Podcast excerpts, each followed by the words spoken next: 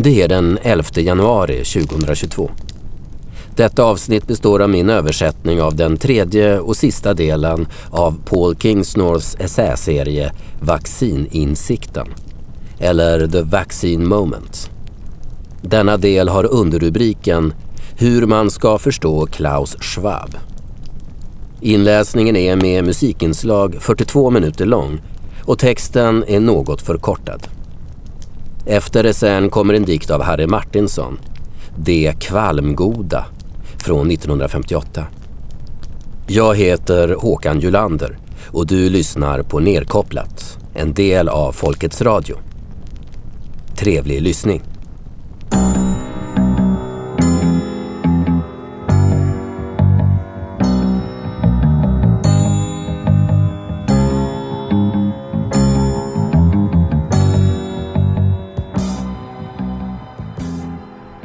Everybody knows that the plague is coming. Everybody knows that it's moving fast. Everybody knows that the naked man and woman are just a shining artifact of the past. Everybody knows the scene is dead. But there's gonna be a meter on your bed that will disclose what everybody knows. Leonard Cohen, 1988 När är en konspirationsteori inte längre en konspirationsteori? Svaret på den frågan bestämmer hur vår framtid kommer se ut. I den här covid-miniserien har jag skrivit om vilka berättelser vi följer om pandemin. I den första essän förklarade jag varför jag till stor del inte längre kan tro på den officiella berättelsen om viruset och åtgärderna mot det. Det jag kallar narrativet med stort N. Vad som till slut fick mig att sluta tro var när Österrike stängde ner för ovaccinerade och upprättandet av karantänläger i Australien. Efter det kan jag inte längre intala mig själv att det som pågår har något med folkhälsa att göra. Kanske jag var sen att inse detta, men jag tror inte jag är ensam om att nyligen ha dragit den slutsatsen. Den senaste månaden verkar ha blivit en brytpunkt. Från Turin till Paris, London till Wien, Melbourne till Barcelona, Christchurch till Tbilisi fortsätter motståndet öka och hundratusentals människor ger sig ut på gatorna. Vaccinmandat, vaccinpass, åtskiljning, karantänläger, censur. Den otäcka demoniseringen av ovaccinerade. Saker som ger en klar bild av hur det nya landskap som väntar oss kommer se ut. I den andra essän försökte jag fördjupa mig i varför så många av oss tolkar situationen på så olika sätt. Varför vissa till exempel ser på vaccinmandat och vaccinpass som en nödvändig hälsoåtgärd som det är oansvarigt att inte följa och hur andra ser samma åtgärder som början av ett skräckvälde som måste bekämpas. Jag undersökte hur de berättelser vi väljer att beskriva världen med bestämmer hur vi uppfattar coronasituationen och hur dessa berättelser ställer oss mot varandra fast vi alla på våra sätt strävar efter ett sundare samhälle. I den här essän vill jag fokusera på den berättelse som maskinen berättar för oss om vad som pågår. Jag vill utforska den värld vi i allt snabbare fart är på väg mot då covid-19 fått funktionen att vara en slags teknopolitisk sandlåda. En lekplats att testa nya sätt att vara människa på i en postmänsklig värld. Det är genom berättelser vi navigerar oss fram i verkligheten. Men det är också genom berättelser vi kontrollerar den och själva blir kontrollerade. Kontrollera berättelsen och du kontrollerar befolkningen. Detta har varit välkänt sedan faraonernas tid och det är därför kampen om covid-narrativet varit så aggressiv. Det är därför media och sociala mediaföretag jobbat så hårt med att utestänga känsliga frågor om vaccin och anstränger sig för att tysta, förödmjuka och mobba de människor som sägs sprida missinformation. Och det är också därför vi har sett så stort fokus på en annan sorts historieberättare som tidigare inte togs på stort allvar men som nu betraktas med både nervositet och ilska. Konspirationsteoretikern. För inte så länge sedan visste alla vad en konspirationsteoretiker var. En som hade en främmande, gärna uppseendeväckande uppfattning om en välkänd, officiellt klarlagd historia.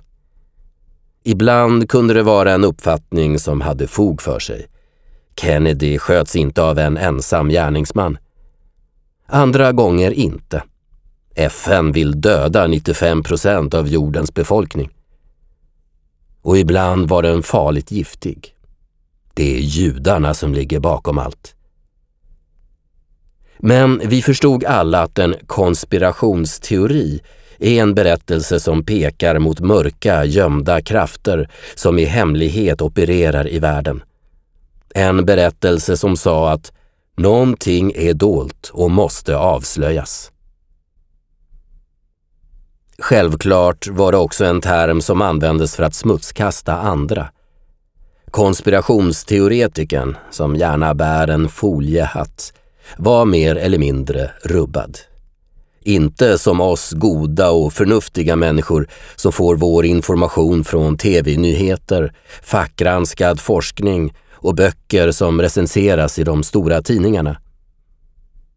Konspirationsteoretikerna var till största delen harmlösa och framförallt var de irrelevanta. Människor som lägger ner tid på Roswell-incidenten eller att månlandningen inte hänt på riktigt utgör inga hot mot makten och därför bryr sig makten inte heller om dem. Under normala tider är konspirationsteoretiker inget någon bryr sig om. Men hur är det under onormala tider? Som dessa tider, då tilliten till officiella auktoriteter sjunker, när narrativen är brutna och när fler och fler människor famlar i dimman efter nya kartor att följa. I sådana tider händer tre saker. 1. Många nya konspirationsteorier sprider sig som gräs efter ett livgivande regn. 2. Själva termen konspirationsteorier blir ett användbart verktyg för de som bevakar den officiella linjen.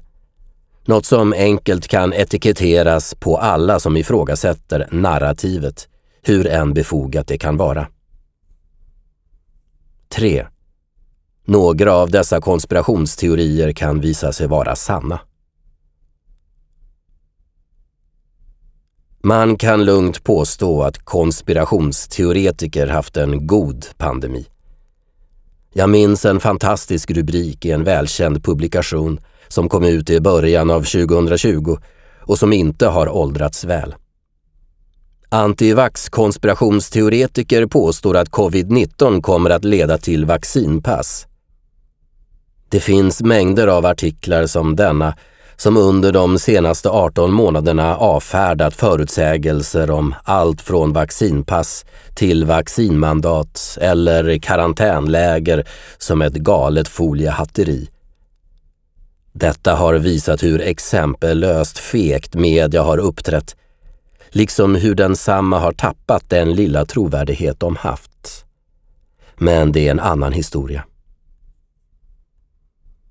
Kanske den mest rapporterade konspirationsteorin det senaste året är den om The Great Reset, den stora återställningen.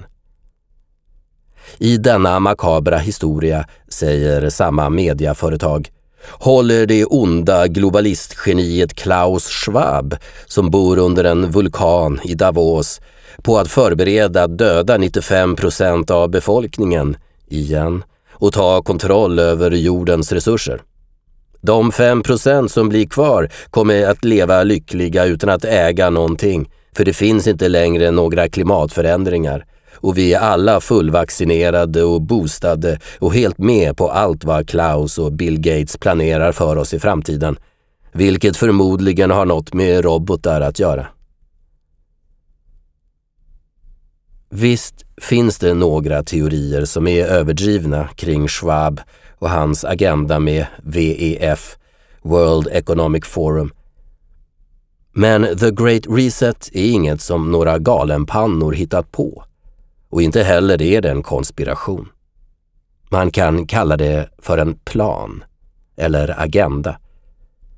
Men bäst förstås det som en annan berättelse. En som Schwab och hans kollegor vill att vi ska använda som karta i det nya landskapet. Om du vill försöka förstå vilken både tråkig och mörk berättelse det här är behöver du inte ta dig till det ensligt belägna näste i berget där den i hemlighet kläcktes fram. Du kan istället i lugn och ro följa online-lektionerna, delta i de virtuella konferenserna eller läsa de relevanta avsnitten på VEFs hemsida. Eller, om du är ännu mer ambitiös, så kan du läsa Klaus Schwabs bok, vilket jag gjorde förra veckan. Covid-19, The Great Reset, är en besvikelse om du vill läsa om tankekontroll, mikrochips i vaccinen och härskare i reptilskrud. Den är faktiskt helt befriad från något av intresse överhuvudtaget. Den är ett standardglobalistiskt manifest som kunde ha getts ut av vilket förlag som helst som ligger under VEF, WTO, G8, FN, Världsbanken eller IMF. Eller av vilken journalist som helst som efter 1990 jobbat för Forbes eller The Economist. När jag skrev min första bok, One No, Many Yeses, under tidigt 2000-tal läste jag dussintals böcker och rapporter som denna för att försöka förstå vad som drev denna strävan efter ekonomisk och kulturell globalisering.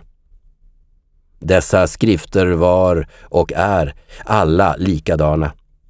En hyllning till den globala kapitalismen pyntad med klichéer om social rättvisa och inspirerande NGO-banaliteter som mångfald, vitalitet, jämlikhet, integration, fattigdomsbekämpning, moderskap och äppelpaj.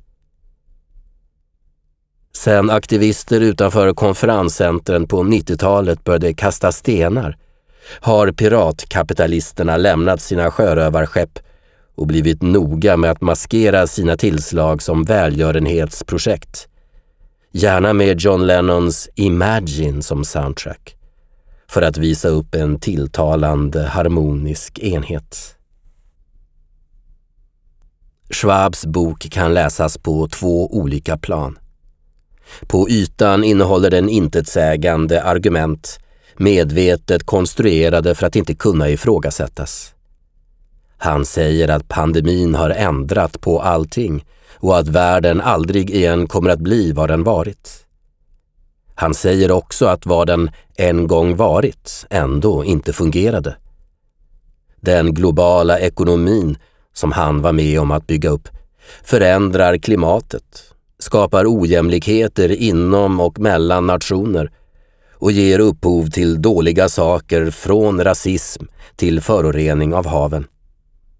Vi bör därför ta tillfället i akt nu när viruset öppnat upp för det, att återställa världen.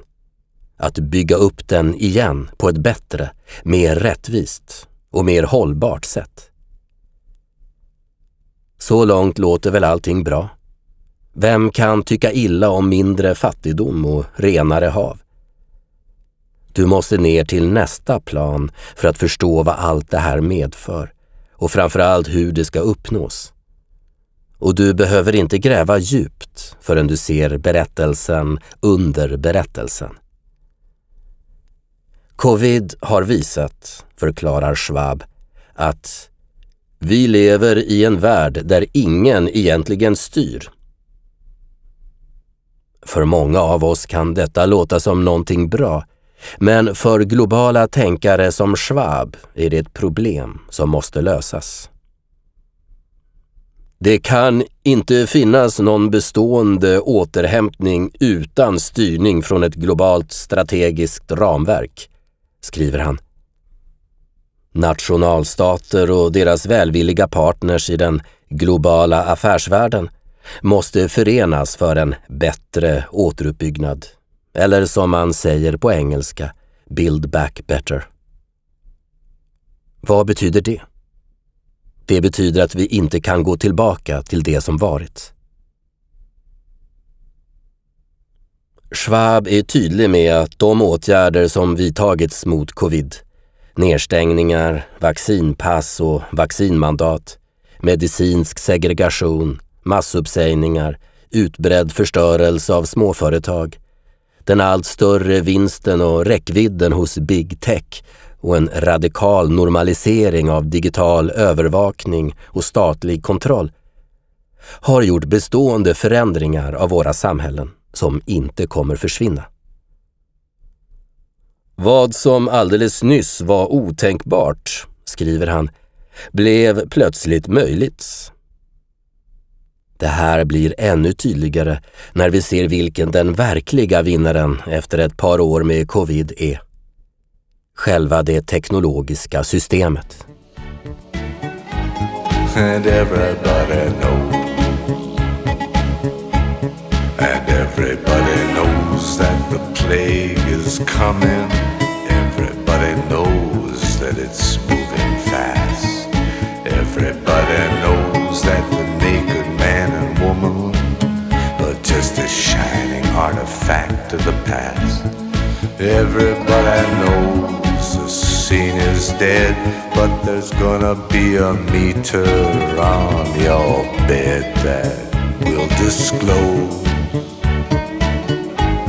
what everybody knows. Medan några av våra gamla vanor säkert kommer tillbaka efter pandemin tagit slut, skriver Schwab, kommer många av de nya teknikvanorna vi vant oss vid under isoleringen kännas mer naturliga. Hemarbete, företagens digitala kontroll över deras anställda, Zoom-möten och e-leveranser och inte minst hela infrastrukturen med QR-koder och vaccinpass.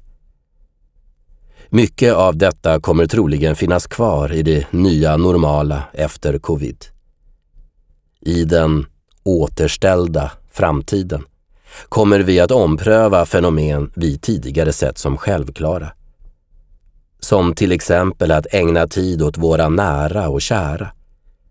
Varför, frågar Schwab, ska vi orka köra till en familjesammankomst över helgen när, även om det inte är lika trevligt, Whatsapps familjegrupp i alla fall både är säkrare, billigare och grönare.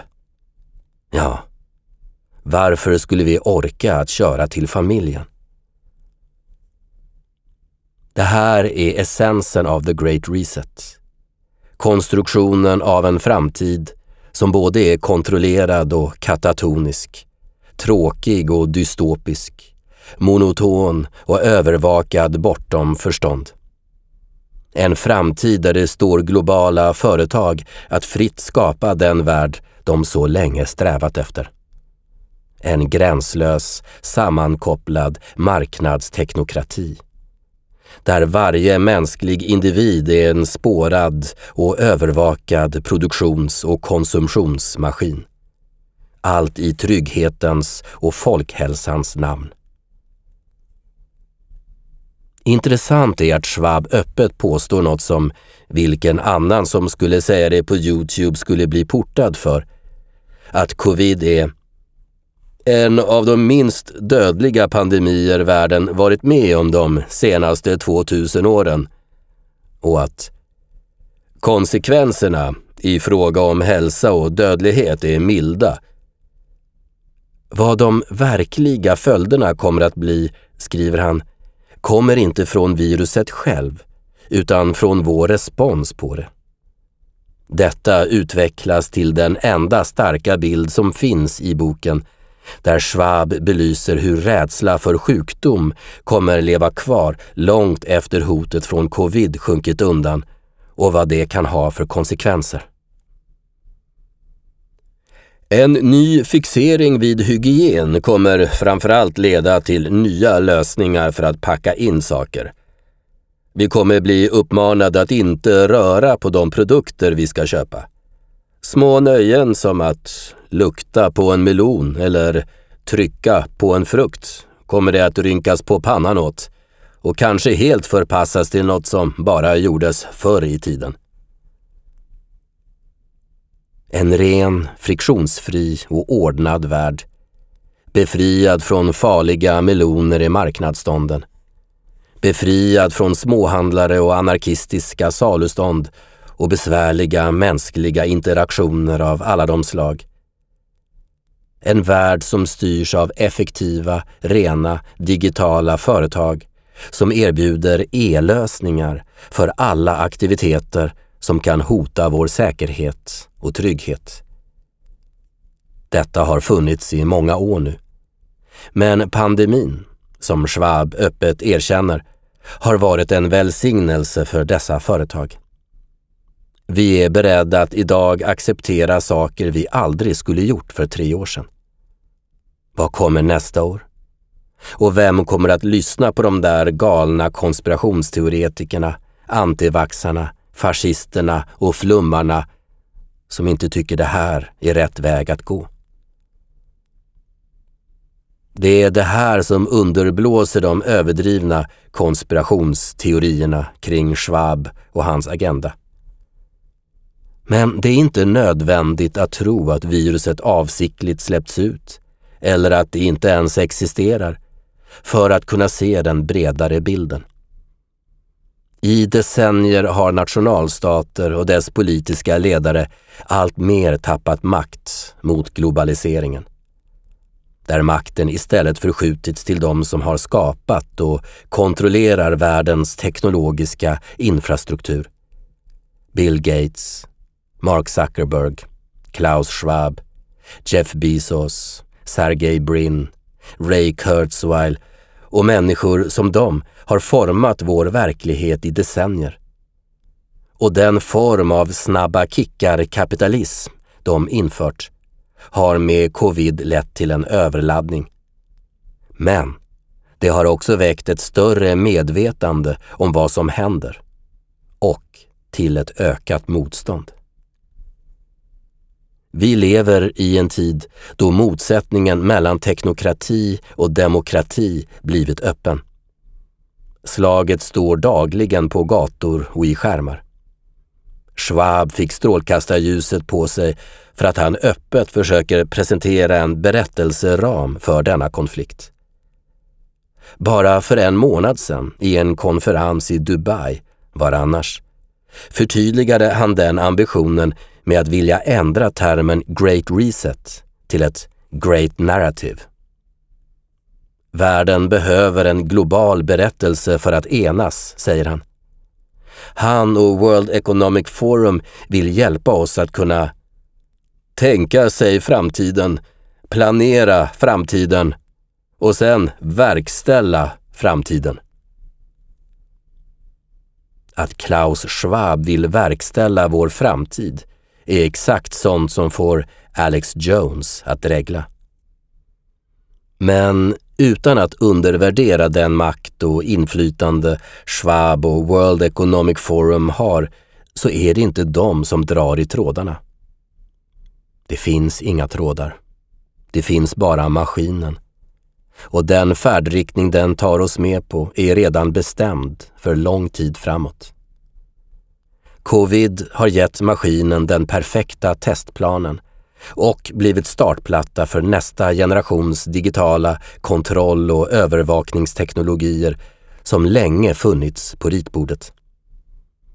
Den förvirring, ilska och fiendskap som stormar omkring oss nu är ett resultat av vår oförmåga att förstå vad det är som verkligen händer och var vi befinner oss i den technokupp vi är mitt uppe i.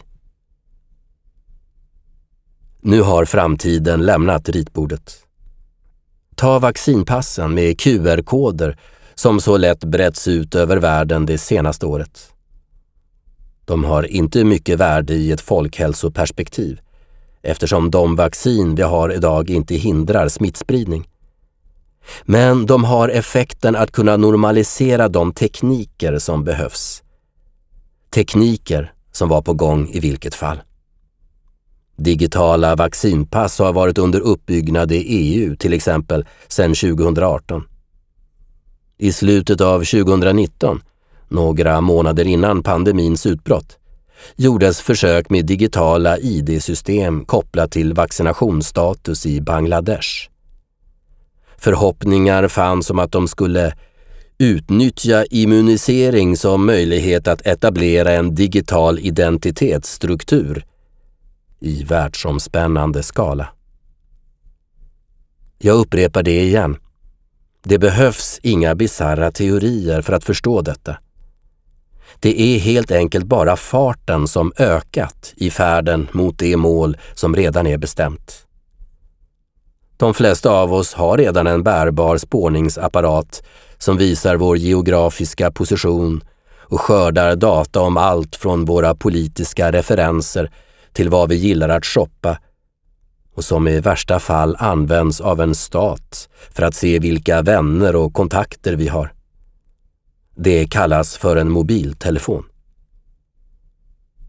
Medan covid snart blir endemisk om ett eller ett par år och medan nya varianter uppstår kommer förmodligen påtryckningarna för att behålla varaktiga garantier för hälsa och säkerhet fortsätta. Som väl är kan vi använda oss av mobiltelefonerna som redan är uppappade med våra covid-QR-koder till hälsopass som säkert och digitalt ger oss tillgång till varor och tjänster i den farliga nya världen. Samtidigt kan de också utesluta alla andra som inte anpassar sig efter de allmänna rekommenderade hälsoråden. Om detta låter som fnoskiga konspirationsteorier, tänk på att vanliga pass, de vi använder när vi åker på semester, också infördes som en tillfällig åtgärd efter första världskriget. Anledningen till att senare behålla dem var av hänsyn till hälsa och nationell säkerhet, orsakat av utbrottet av spanska sjukan 1918. Ett sekel senare är den digitala versionen färdig att träda i kraft och pandemin är det gyllene tillfället för det. WHO håller på att förhandla med nationalstater och företag om standarder för att kunna anpassa utfärdandet av globala digitala pass. Så vi kommer att få ett permanent globalt hälsopass som senare kommer att sammanfogas med redan existerande digitala ID-teknologier och införandet av en digital valuta för att skapa en personlig digital identitetsplånbok. Den kommer att introduceras för att ge mesta möjliga bekvämlighet men kommer snart vara ett grundläggande krav för att kunna ta del av samhällslivet. Såsom mobiltelefoner, kreditkort och vanliga pass är idag. När vi har godtagit premissen om att en på alla nivåer djup och överallt närvarande kontroll och övervakning är ett pris värt att betala för vår säkerhet, och det verkar vi redan ha gjort, så är nästan allt möjligt. Sydkorea har precis introducerat ansiktsigenkänningsteknologier för att kunna snabba på underrättelsearbetet om möjliga exponeringar av covid-19. Kina har som bekant ett socialt kreditsystem i vilket invånare belönas eller blir straffade för deras uppförande inom olika områden.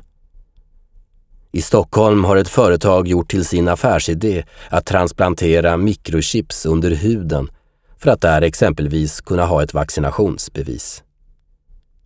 I USA har FDA, Food and Drug Administration, redan godkänt piller utrustade med ett digitalt förtäringsspårningssystem som sänder en signal till mobiltelefonen när man tagit medicinen. Kanske vill du betala för detta med ditt biometriska betalkort präglat med ditt fingeravtryck. Spänn fast bältet. Detta är vad som väntar oss och vägen är redan utstakad mot slutmålet. Kropparnas internet. Där vi till sist vuxit ihop med de maskiner vi tillverkat. Mänskliga förbättringar genom hjärnimplantat med mikrochips som låter oss dela gränssnitt med nätet kommer vara verklighet snarare än vi anar. Den utvecklingen håller på att byggas upp av bland andra Elon Musk och Mark Zuckerberg. The Royal Society, Storbritanniens största vetenskapliga tankesmedja, kan inte dölja sin upphetsning över de möjligheter som erbjuds. Att eh, koppla människor till datorer med den kraft som kommer med artificiell intelligens kan sammanlänka människors kapacitet att fatta beslut och deras emotionella intelligens med den processkraft som kommer från datorers big data och skapa en ny och samverkande form av intelligens. Människor kan till viss del bli telepatiska, kunna kommunicera inte bara ordlöst utan också att på ett konceptuellt plan få tillgångar till varandras tankar. Inte bara tankar, utan också erfarenheter kan kommuniceras från hjärna till hjärna. Covid har både snabbat på och rättfärdigat nedstigningen i den digitala myrstacken. Och det kommer obevekligen att fortsätta under de kommande åren. Kanske många, eller till och med de flesta, välkomnar det. Det har trots allt sålts in till oss under många år med de mest raffinerade manipulativa massangrepp på våra viljor någonsin. Vi har tränats att älska, eller åtminstone acceptera, våra smarta telefoner, navigationssatelliter, smarta kylskåp, drönare och Alexor. Teknikskeptiska luditer som jag har alltid hört till stofilerna. Helt klart är att de ungdomar som valts ut av World Economic Forum till att representera morgondagens unga globala ledare ser fram mot den framtid de har satts till att bygga. När AI och robotar tog över så stor del av arbetet hade vi plötsligt tid att kunna äta bra, sova gott och lägga ner tid på att vara med andra människor. Begreppet rusningstid känns helt främmande när vi kan arbeta när som helst. Jag vet inte ens om jag kan kalla det arbete längre. Det är mer som tanketid, skapartid och utvecklingstid.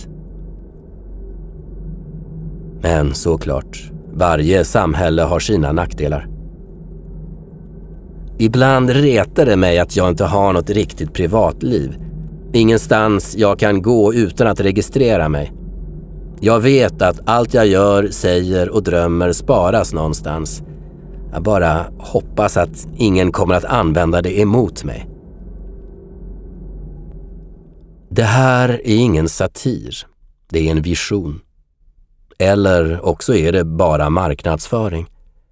Vad det än är så står vi nu till slut vid porten till framtiden en inverterad version av The Matrix där Agent Smith är hjälten. En värld som både är fruktansvärd och långtråkig på samma gång. Imagine there's no heaven It's easy if you try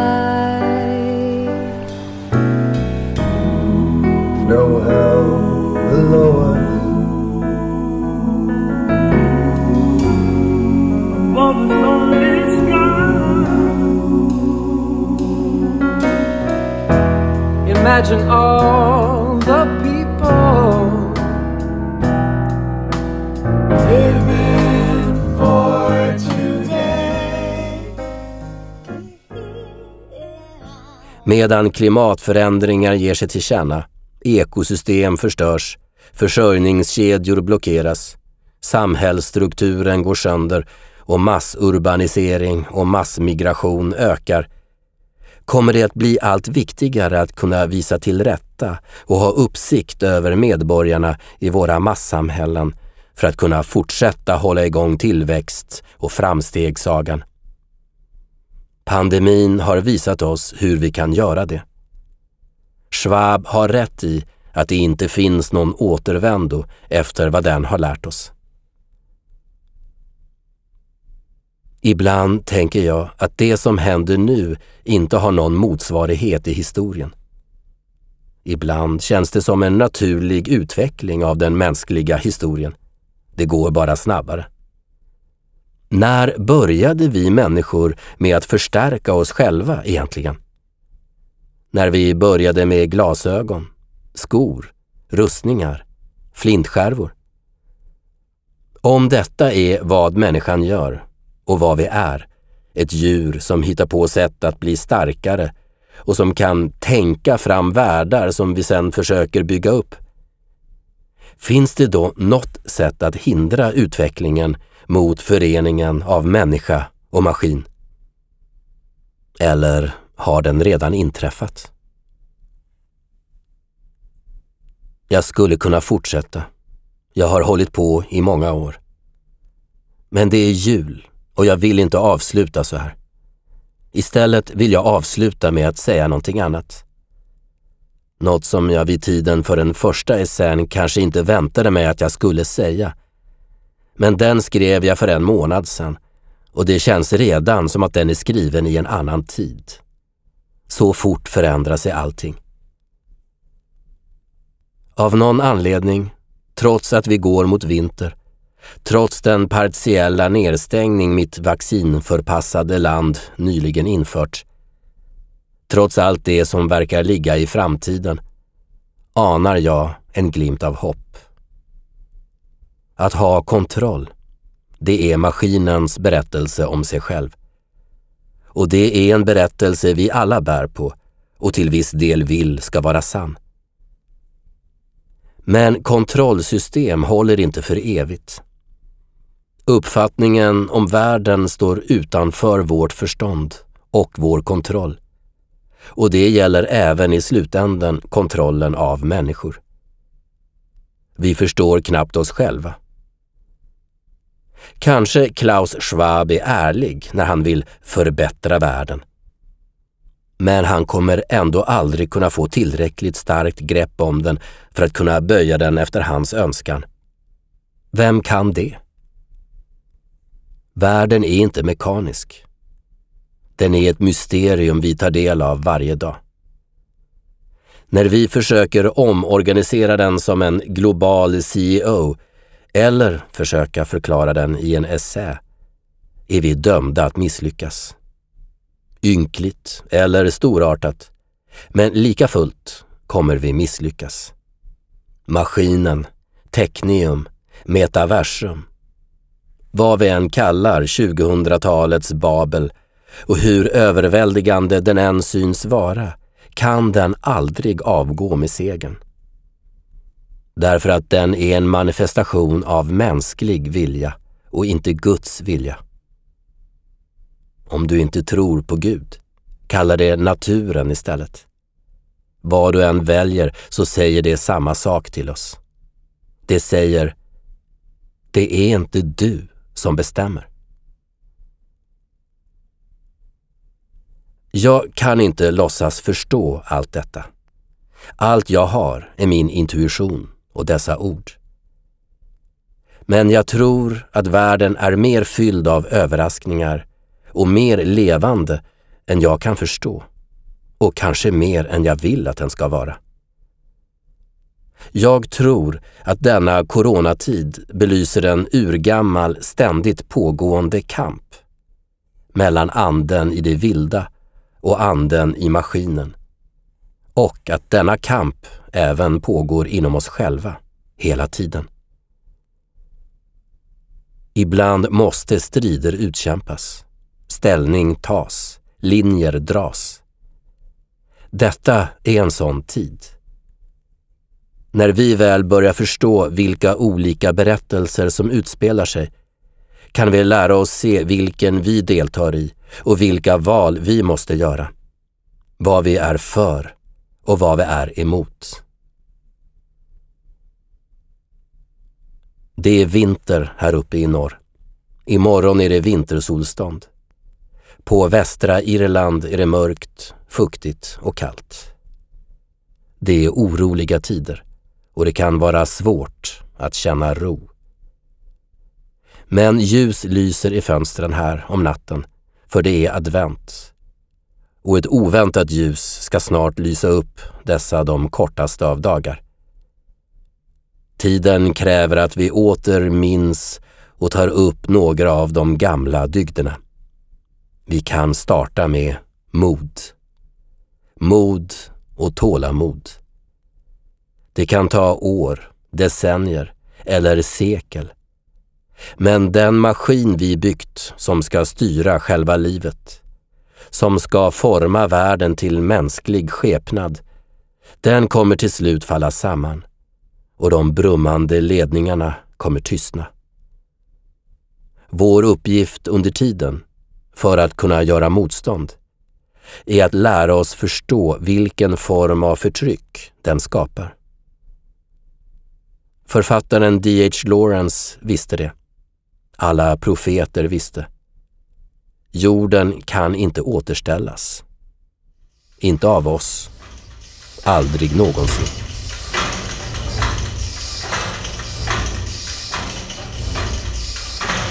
They talk of the triumph of the machine.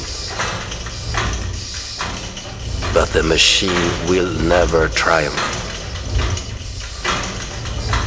Out of the thousands and thousands of centuries of man, the unrolling of ferns, white tongues of the acanthus lapping at the sun. For one sad century, machines have triumphed, rolled us hither and thither, shaking the lark's nest till the eggs have broken, shaken the marshes till the geese have gone, and the wild swans flown away, singing the swan song at us. Hard, hard on the earth the machines are rolling. But through some hearts they will never roll.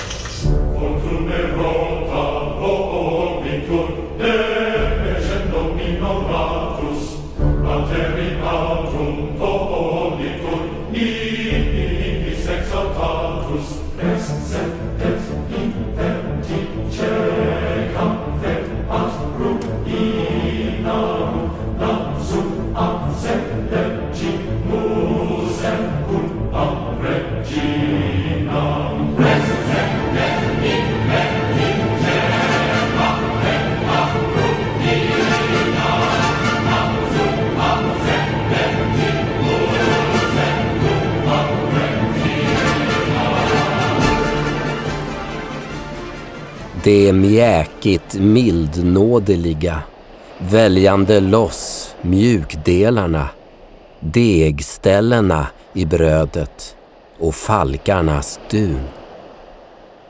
Det som kan passa i feghetens dyna, den förfalskade godhetens bolster. Överallt finns de med sina falska stiltjerum upphov till desperationens tromber, till luftsjukligt tillkomna orkaner. Alltid ska godheten lida av deras val. Alltid ska ondskan vinna proselyter där någon av dessa gjort luften falsk och tung. Där de odlat sin vattenpest i dammen. Godhetens helhet kännas de inte vid.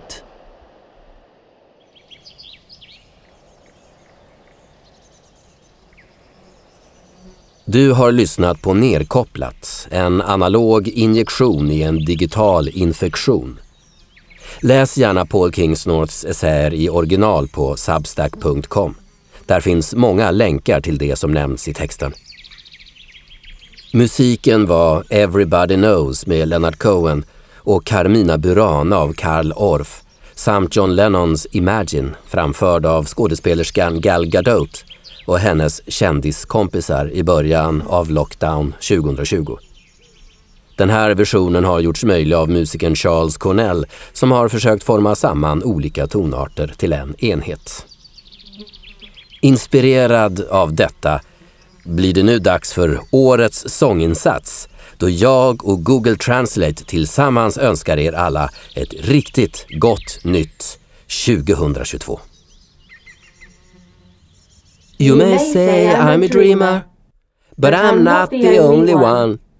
I hope someday you'll join us and the world will be as one.